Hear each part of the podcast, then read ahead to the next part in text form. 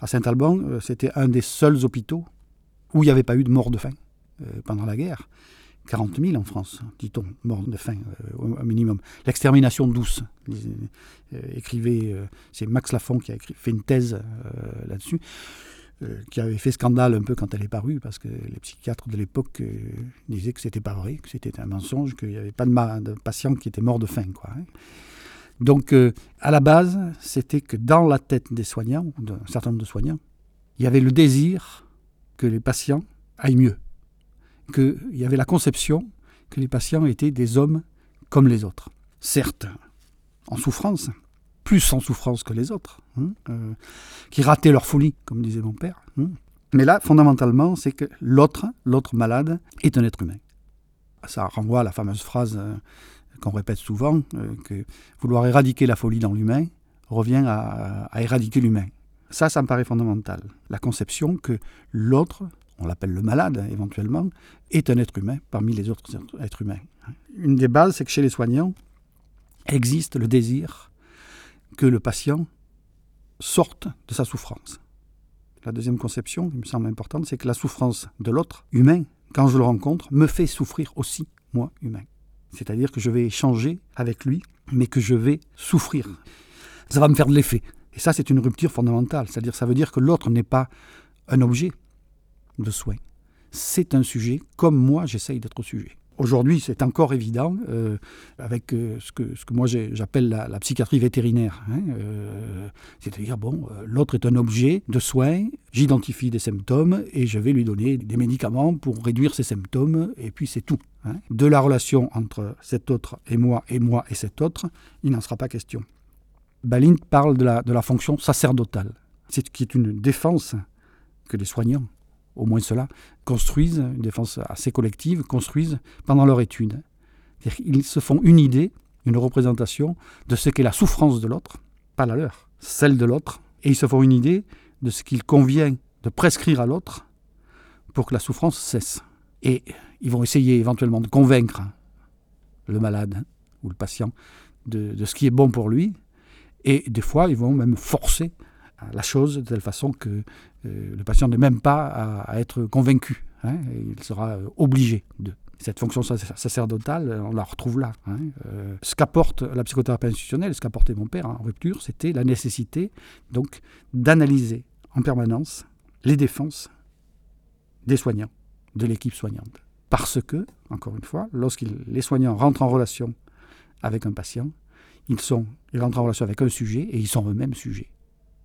Il me semble que c'est la rupture, essentielle et qui est toujours valable euh, aujourd'hui. Si on admet que, les patients sont des sujets, il va s'agir de, permettre qu'ils se responsabilisent et qu'ils s'activent. Ce qui veut dire aussi que les soignants, il faudra qu'ils se responsabilisent et qu'ils s'activent eux-mêmes. Euh, là, peut-être, euh, cette question au sujet des patients hein, et de l'activation des patients, ça renvoie à la, à la question de, de, la double aliénation sur laquelle euh, mon père euh, insistait beaucoup, quoi. Hein, euh, l'aliénation psychique et l'aliénation sociale. Chacun d'entre nous, on a à se confronter à cette double aliénation. L'aliénation sociale venant renforcer souvent l'aliénation psychique.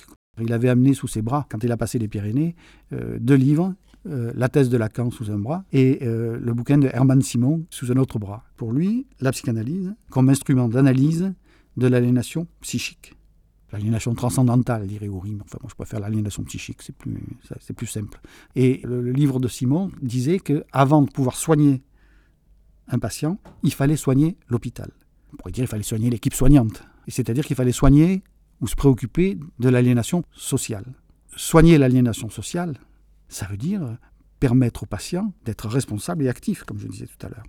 En sachant qu'à ce moment-là, ça, établit des liens avec la désaliénation psychique, on pourrait dire. Si un patient qui reste au lit, complètement fermé dans, son délire, euh, dans, son imaginaire, euh, dans ses constructions personnelles, on va dire, euh, se met à s'activer, se responsabiliser avec les autres, dans des activités, dans l'organisation des activités, etc., etc., ça lui permet aussi de se reprendre la question de sa propre subjectivité, de sa propre aliénation psychique souvent, on a tendance à penser, euh, et certains le disent, que la psychothérapie institutionnelle, il s'agissait de, effectivement, à un moment donné, d'améliorer la question d'hygiène, d'humaniser les hôpitaux psychiatriques. Alors, bien sûr qu'il s'agissait aussi de ça, mais il s'agissait essentiellement d'une méthode de soins proposée aux patients. C'est un mouvement qui a toujours été minoritaire en France, éventuellement mal vu d'autres. Les critiques qui sont souvent faites, c'est que les, partisans de la psychothérapie sont des arriérés asilaires. La psychothérapie continue à s'appliquer, enfin à pouvoir se pratiquer,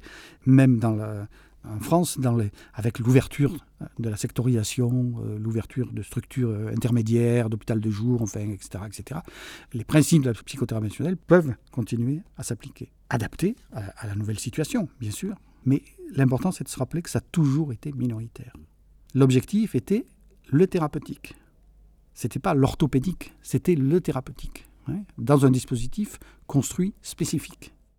On a l'habitude, euh, en France y compris, de dire que la psychothérapie institutionnelle euh, est née euh, pendant la guerre en France hein, euh, et la résistance. C'est vrai, et en même temps, c'est pas vrai. C'est vrai que l'expérience de Saint-Alban euh, pendant la, résistance, avec la présence donc de, de à Saint-Alban, la présence de Bonafé de 43 et 44, euh, le passage d'un certain nombre de, de, personnalités qui venaient se cacher à Saint-Alban, cette circonstance-là, le fait que certains infirmiers se sont retrouvés à Buchenwald et quand ils sont revenus euh, à Saint-Alban, ils ont dit non, c'est Buchenwald et c'est un hôpital psychiatrique, un asile psychiatrique, c'est trop pareil. C'est pas admissible que ce soit comme ça. C'est vrai donc que ça s'est forgé euh, à Saint-Alban.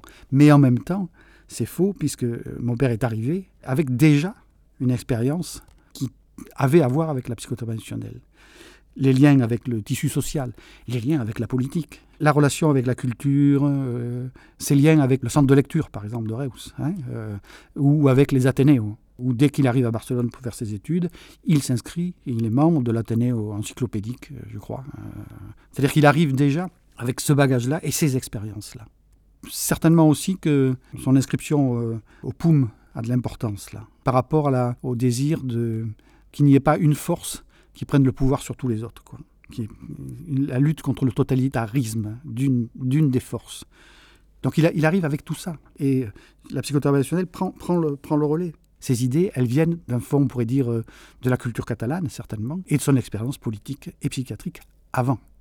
Alors, bien évidemment, à Saint-Alban, il va se retrouver dans le département le plus pauvre de France, hein, complètement paumé. Euh, il faut y arriver en suivant une petite route qui traverse les Cévennes, enfin les montagnes du coin, il faut passer le col de l'exil. C'est extraordinaire ça. Il faut passer le col de l'exil pour arriver à Saint-Alban. Enfin, hein, euh, ça s'appelle toujours le col de l'exil. Hein.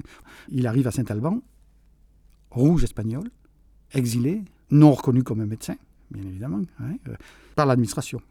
Mais je crois que Balvé, qui était le directeur, médecin directeur de, de Saint-Alban, le reconnaissait comme un médecin je ne sais pas si c'est une partie essentielle du thérapeutique, ça, ce, que, certains ont appelé l'art-thérapie. Hein, euh, c'est un terme qui n'est pas... On pourrait, discuter de ce terme-là. Hein. mais ce qui est sûr, c'est que c'était intégré à Saint-Alban parmi les autres possibilités d'expression du patient, d'expression individuelle ou collective. Il y avait des, ateliers de peinture, de, etc., qui étaient... Euh, la plupart étaient, branchés sur le, comme les autres ateliers, avec les activités du club. Le club euh, vient diviser l'hôpital en deux. D'un côté, les, pavillons, euh, les unités, où les, rencontres sont plus proches du corps, on pourrait dire, hein, euh, toujours avec les mêmes personnes, ou presque toujours avec les mêmes personnes, un peu comme un groupe de vie, hein, de type un peu maternel, si on peut dire ça comme ça. Hein, et là, il y avait aussi des activités, on pourrait dire d'accrochage dans ces lieux-là. Et puis l'activité du club, dans lequel les gens sortaient des pavillons pour aller rencontrer les autres. Le club était mixte. Les unités, à ce moment-là, n'étaient pas mixtes. Donc il y, avait, il y avait des ateliers à la fois dans les unités et à la fois organisés par le club. Mais il y avait aussi un certain nombre euh, de personnes ou de personnalités, euh, comme Forestier par exemple, celui dont on, parle souvent, là, euh, qui lui avait un atelier à part, qui n'était pas branché sur le club. Il, faisait son petit truc dans un coin, dans un escalier, ou, en bas d'un escalier, où il faisait ses, bateaux, ses, maréchals, et, etc. etc. Hein, et, qu'il allait d'ailleurs vendre, vendre. Il allait les échanger contre des cigarettes. Euh, comme dit mon père, voilà, l'art brut, c'était ça. C'était mon père disait que les, les, gens pour aller à la foire, les paysans traversaient l'hôpital avec les vaches. J'ai jamais vu ça. Hein. C'est un peu un mythe. Hein. Il y avait un chemin tout autour, il y avait des murs euh, à l'hôpital qu'on pouvait tout à fait. Euh, les murs, ça avait l'avantage qu'on pouvait les sauter, qu'il y avait des portes et des fenêtres euh, pour pouvoir passer. Hein. parce qu'il y avait beaucoup de circulation entre l'hôpital et le, village. et dans l'autre sens, entre les gens du village et l'hôpital. C'était un petit village, Saint-Alban, c'est-à-dire que la, plupart des gens du village travaillaient aussi à Saint-Alban, hein, comme, euh, comme infirmiers ou comme ouvriers. Hein, euh, et puis le reste du temps, ben, ils allaient garder leurs vaches, hein, enfin, euh, puisqu'ils étaient un peu paysans quand même. Paysans au bon sens du terme, ils avaient trois ou quatre vaches. Mais voilà, l'art-thérapie, avec les, les remarques de tout à l'heure, ça a été important ça allait rester beaucoup hein, dans, pas mal d'hôpitaux en France. Euh, on continue à, faire des ateliers d'art-thérapie. Hein. On fait venir souvent des gens de l'extérieur maintenant, enfin des, artistes. Euh, on passe un contrat avec eux, euh, l'administration passe un contrat avec eux pour qu'ils viennent faire animer un ou deux ateliers, etc. Mais c'est plus, c'est pas comme avec la psychothérapie c'est pas branché sur le club, sur la, vie, les échanges, etc. etc. C'est des artistes qui viennent, des fois, des fois, des fois c'est très intéressant. Hein. Euh, moi, dans l'hôpital où, j'ai travaillé, euh, il y avait aussi des gens de l'extérieur qui venaient pour animer des ateliers, et c'était très intéressant pour les soignants aussi, qui s'intéressaient à, à l'art-thérapie, parce qu'ils en apprenaient beaucoup. Quoi. Et puis, ils n'étaient pas soignants dans l'atelier d'art-thérapie. Ils, euh, ils avaient à avoir à s'exprimer avec euh, une feuille de papier, de la peinture, individuellement ou collectivement, comme je disais. Hein, euh. et ça, c'était intéressant de se retrouver aussi dans une situation avec les patients, à avoir une activité partagée.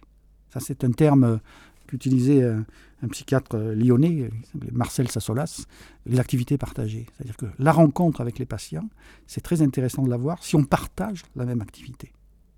Par exemple, descendre en canoë euh, d'une rivière. Sur le bateau, euh, soignant ou soigné, euh, c'est un peu la même chose pour rester à peu près stable sur l'eau. Hein. C'est-à-dire que chacun la vit pour son propre compte, cette activité. Soignant ou soigné. Et puis ensuite, on peut se rencontrer. J'ai vu ça, etc. Et le soignant se retrouve aussi à pouvoir parler de sa propre expérience. D'ailleurs, pour descendre la rivière, euh, chaque fois, euh, j'ai remarqué que les soignants se renversaient beaucoup plus souvent que les patients dans, l'eau. Hein. Enfin, ça, c'est peut-être parce qu'ils avaient plus peur que les patients. Les inventeurs de l'art brut, enfin, ce terme-là, dont Bonafé euh, a été important là-dessus, avec la question du surréalisme, etc., ont fait le tour des, hôpitaux presque pour essayer de, repérer un certain nombre de productions des patients et pour tenter de les élever à ce rang-là d'art, de production artistique qui est sûr, c'est que mon père, au début, euh, quand il a reçu, euh, comment il s'appelait, Jean Dubuffet, était un peu réticent, même beaucoup réticent. Parce qu'il avait déjà assisté un peu au pillage par un certain nombre de gens. Euh, et je crois qu'il était conscient que un certain nombre de personnes. il y a eu la promotion de, cette dimension-là, c'est-à-dire que les, fous aussi pouvaient être, être artistes. Hein. Je crois que mon père était un petit peu réticent aussi, hein, peut-être à cause de à cause d'Antonin Artaud, parce qu'il était, je l'ai souvent entendu euh, être en colère contre, contre des collègues, euh, contre des, artistes qui pensaient que Artaud euh, était pas fou et qu'il fallait le faire sortir absolument de, de l'hôpital pour qu'il puisse continuer à être un artiste. Ça a peut-être coûté la vie à Artaud, il faudrait voir ça de plus près. Il pensait que il avait besoin de soins. Ce qui n'est pas la même chose que, de l'enfermer dans une cellule. c'est pas la même chose. Donc il était réticent au démarrage sur la, question de l'art brut. Il y a eu du pillage. Les œuvres de Forestier, par exemple, euh, on en retrouve un petit peu dans, les musées d'art brut, là, en Suisse ou je ne sais plus où. Hein, euh, mais il y en a beaucoup qui ont été volés, et pas forcément par euh, du buffet et d'autres. Hein. Bon, il y a des petites histoires là-dessus euh, qui ne méritent pas qu'on en parle là. Si, quand même. Il y avait une histoire qu'on racontait, c'était qu'il y avait un, médecin portugais, euh, très chouette d'ailleurs, qui avait rempli sa valise de, morceaux de, forestier, euh, mais que la femme de ce médecin a trouvé que c'était tellement laid qu'elle a jeté à la poubelle. Quoi, hein, voilà. Ben, L'art, c'est de la merde. Hein, donc ça rejoint la, ça rejoint la poubelle. J'ai mis des guillemets. Hein, l'art, c'est de la merde. L'art, c'est de la merde. Une, fois à la, à la, à la Havane, on a, on a, y a, au Prado, de, la, la de la Havane, il y, a, une exposition, y a des expositions de peinture, de peintres locaux, et il y a, une, peinture, il y a une peinture qui me plaisait bien. On a essayé de discuter à, faire diminuer les prix. Et ce mec-là nous a dit euh, Oh, mais dites, vous ne croyez pas que je vais diminuer les prix? La peinture, c'est pas pour les pauvres, c'est pour les riches. Raison de plus pour pas acheter le tableau. Alors. Quand mes parents sont, sont arrivés en France, mon père en, janvier 40 et ma mère en, janvier 41, ils ont décidé qu'ils ne parleraient ni catalan ni espagnol. Parce que, disait-il, pour les enfants, c'était pas bien le, bilinguisme ou le trilinguisme. Il s'agissait d'autre chose et pas de ça. Hein. Il s'agissait de, plutôt d'un deuil de la perte de, l'Espagne et de la Catalogne. Parce qu'il était prévu qu'ils partent rapidement en Amérique du Sud. En Amérique du Sud, on parle espagnol, enfin, au castillan en tout cas. Donc ils ont parlé une langue bizarre, le toscayen, certains ont dit. Et mon père a cultivé largement cette façon-là. Heureusement que de temps en temps, ils se mettaient en colère, l'un comme l'autre, et qu'à ce moment-là, ça leur échappait. Alors tous les jurons, ils étaient en catalan ou en espagnol. Hein, quand ils étaient en colère. Alors, ce qui fait que les enfants, on a appris que les jurons, hein, euh, en espagnol et en catalan. Je ne vais pas vous les dire, là, vous les connaissez tous. Mais il, s'est servi de, de, ça aussi pour, euh, comme il dit dans, dans le film, là, hein, de Pain, que c'est intéressant de parler mal le français, parce que ça oblige l'autre à faire un effort pour le comprendre et pour avoir à traduire dans sa propre langue ce qu'il entend, et que ça, ça nécessite donc euh, ce, travail de traduction. C'est intéressant, la question de la traduction. Euh, c'est-à-dire que même si on parle la même langue, si tu me dis quelque chose en, espagnol, je ferai une traduction de ce que tu me dis. Et je vais en faire une interprétation d'ailleurs, hein, euh, parce que mais ça c'est normal dans les communications entre les uns et les autres, quoi. Hein, mais lui, il portait un petit peu comme comme un principe, quoi. Hein, parler mal le français pour que l'autre fasse un effort. Et il, y a cette anecdote qu'il reprend dans le film avec son analyste. Il avait une otite, dit-il, et euh, son psychanalyste vient le voir euh, à l'hôpital. Bon, c'est pas courant. Il vient le voir à, l'hôpital et le père de mon père, donc mon grand-père, Sébastien, demande à l'analyste comment il fait depuis, peu de temps qu'il est en, à Barcelone euh, pour pouvoir analyser quelqu'un alors qu'il ne comprend pas le, catalan. Et l'analyste répond Si, si, mais au bout de 15 jours, d'être à Barcelone, j'ai compris la moitié du catalan. Parce que tous les deux mots, les Catalans disent mierda ou me cagundeu. Hein, euh, donc si on, entend mierda et me cagundeu, on comprend la moitié du catalan. Et il rajoute de façon plus, plus intéressante, hein, en dehors de, l'anecdote, que en fait, ce qui compte, c'est la ponctuation et la musique. C'est pas tellement les paroles dites, mais c'est la ponctuation et que mierda et, me ça vient faire des virgules et des points-virgules, ça vient ponctuer la parole, la parole de l'autre. Ce que me dit l'autre, je suis obligé de le traduire, de faire d'abord d'entendre, d'être disponible et disposé à entendre, d'être présent à l'autre, présent, hein, euh, légèrement devant, hein, être présent à l'autre, et puis de faire une traduction, hein, en sachant que ce que je vais entendre, c'est pas forcément ce que l'autre va dire mais je vais lui en restituer quelque chose de ce que j'ai entendu ou de ce que j'ai trahi.